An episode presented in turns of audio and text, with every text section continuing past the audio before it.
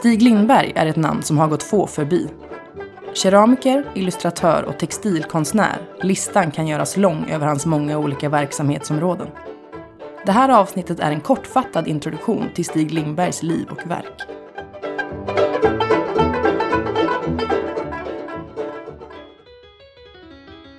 Stig Fredrik Sigurd Lindberg föddes 17 augusti 1916 i Umeå. Han var yngst av fem syskon. Tydligen var han den busiga, så här, men det kanske man blir när man är yngst av fem. Stigs föräldrar var från Burträsk. Pappan Ja. hette då Helof. Helof. Helof Lindberg. Och han var i alla fall militär större delen av sitt liv. Stigs mamma Lydia var lärare. Tydligen också så placerade sig Stig i centrum alltid. När Stig var 14 så ska han ha huggit av sig tumspetsen. När han högg ved. Och då ska han ha åkt till sjukhuset själv genom att eh, lifta med en latrinvagn. Och läkarna trodde tydligen att Stig var en sågverksarbetare som medvetet huggit av sig tummen för att få lite pengar i försäkring. Ja. 1927, då antogs han till Umeå högre läroverk. Men det gick tydligen inte så bra. Nähä. Han var inte jättebra i skolan. Så han skulle till och med få gå om ett år. Men istället så flyttade han till sin syster Gunvor i Jönköping och började plugga där istället. Efter tre år så tog han i alla fall en examen. Men han flyttar inte tillbaka till Umeå Nähä. efter skolan, utan 35 så sökte han till Tekniska skolan i Stockholm. Sommaren 37, då behövde han sommarjobb.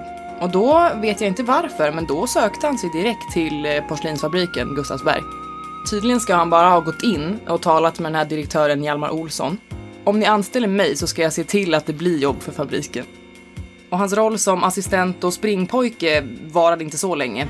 Inom några år på Gustavsberg så hade han och KG en utställning ihop faktiskt och den blev väldigt populär och det var väl lite då det tog fart.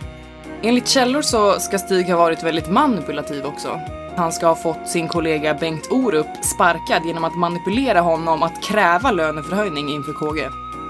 På 40-talet så ägnade sig Stig eh, mest åt stengods och varken han eller KG kunde dreja och då behövde de ju en riktigt bra drejare. Denne blev då Bernt Friberg. Stig och KG gick runt i vita rockar, så här rena och eh, Friberg och alla andra hantverkare i så här blå ställ. Och ja, uppenbarligen så markerade ju då klädseln status och eh, KG och Stig betraktades ju som akademiker fast ingen av dem hade någon jävla utbildning. Nej. Och lite kul grej som jag såg det var att Wilhelm Kåge hette ju Wilhelm Nilsson från början så bytte han till Asså? Kåge. Och då tyckte Stig Lindberg att ah, Lindberg är tråkigt. Så han ville heta Dörve. Men det fick han inte för att det fanns inte tillräckligt många Lindberg i Sverige och då så var det hårda regler på att är det för ovanligt namn så får du inte byta. Så att han hade blivit Stig Dörve.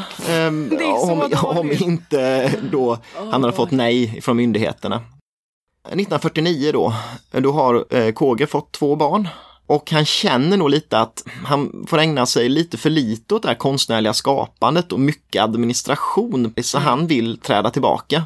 Så från och med 1949 är Stig Lindberg då konstnärlig ledare på Gustavsbergs studio.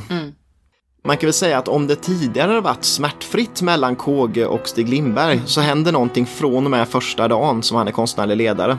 För då har väl Stig Lindberg i princip kommit in till KG och sagt att ja, nu är det jag som bestämmer. Nu eh, ska ni lyssna på mig och nu är det jag som är ledaren. Eh, och de blir väl egentligen nästan fiender beskrivs det som.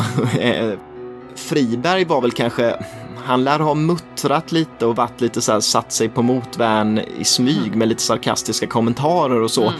Mm, Eh, ja, han kallade Stig Lindberg för skrivbordskonstnär. Men till saken hör ju lite det naturligtvis att Gustavsberg går väldigt bra under Stig Lindbergs ledning på, Mm. på studion. Eh, och 1955 har man tusen anställda på företaget och det är ju, det är ett stort företag. Mm, oh ja. Och det innebär ju att man börjar rationalisera och mekanisera liksom bara för att kunna hålla den takten som marknaden vill ha. Då är det ju inte bara det här hushållskeramiken eh, som, som är stor längre. Utan 1945 så öppnar man eh, Gustavsbergs plastfabrik och 1947 badkarsfabriken. Och det är ju sånt man tänker på idag också Oh ja, när man oh tänker ja. på Gustavsberg. Och eh, där är ju Stig Lindberg den, liksom, den lysande stjärnan, den som medialt lyfts fram. Va? Det går bra, men Stig Lindberg börjar redan här bli fysiskt sliten. Jag tror att många tänker på textilier också Mm. när man tänker på Stig Lindberg. Oh ja. Och det här började väl ordentligt 1947 med en separatutställning på NK, på NK Bo då, som var nystartat då. Och där ställde han ut både textilier och fajanser. Eh, Och det var Astrid Sampe som var chef för NKs textilkammare som hade tyckt att Stig Lindberg skulle göra textilmönster och ehm, det var nog mycket tack vare henne som han kom in på den banan då. Böckerna som eh, Stig Lindberg kom att illustrera det är ju barnböcker av Lennart Helsing. Och den första boken eh, kom 1947 och hette Nyfiken i en strut. Just det. Och mest känd är kanske Krakels spektakel från Japp. 1952. Och han kommer ju göra många barnböcker och den sista blir eh, Daniel Doppsko 1959. Eh, Och Berså är ju, den kom 1960. Och eh, var ett mönster till LL-modellen, det var ett porslin då som Stig Lindberg ritat själva, själva kopparna och själva liksom, Ja. karotter och sånt. Formen. Och först gjordes den bara på karotter och skålar men blev ju ganska snart en hel servis och blev väldigt, väldigt populär. En Christer Karlmark var student på Konstfack och på fritiden och när det fanns tid så jobbade han extra på Gustavsberg.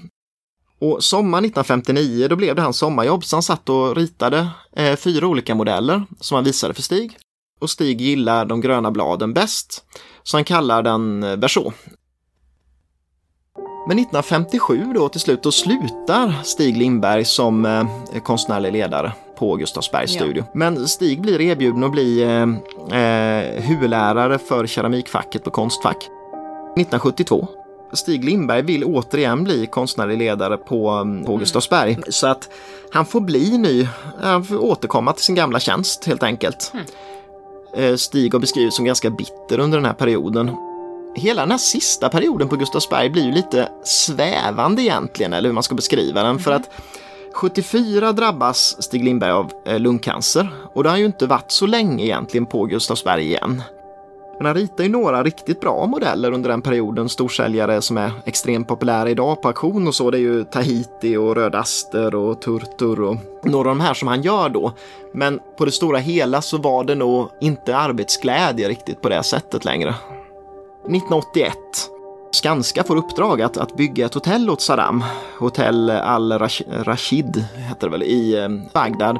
Och till det här hotellet så har Gustavsberg fått i uppdrag att göra en stor skulptur, väggskulptur.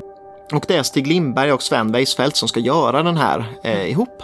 Så de åker ner till, eh, till Bagdad. Men, men det är klart, det där var väl nog väldigt slitigt för kroppen. En dag i påsken 1982 så dör Stig Lindberg av en hjärtinfarkt i sömnen.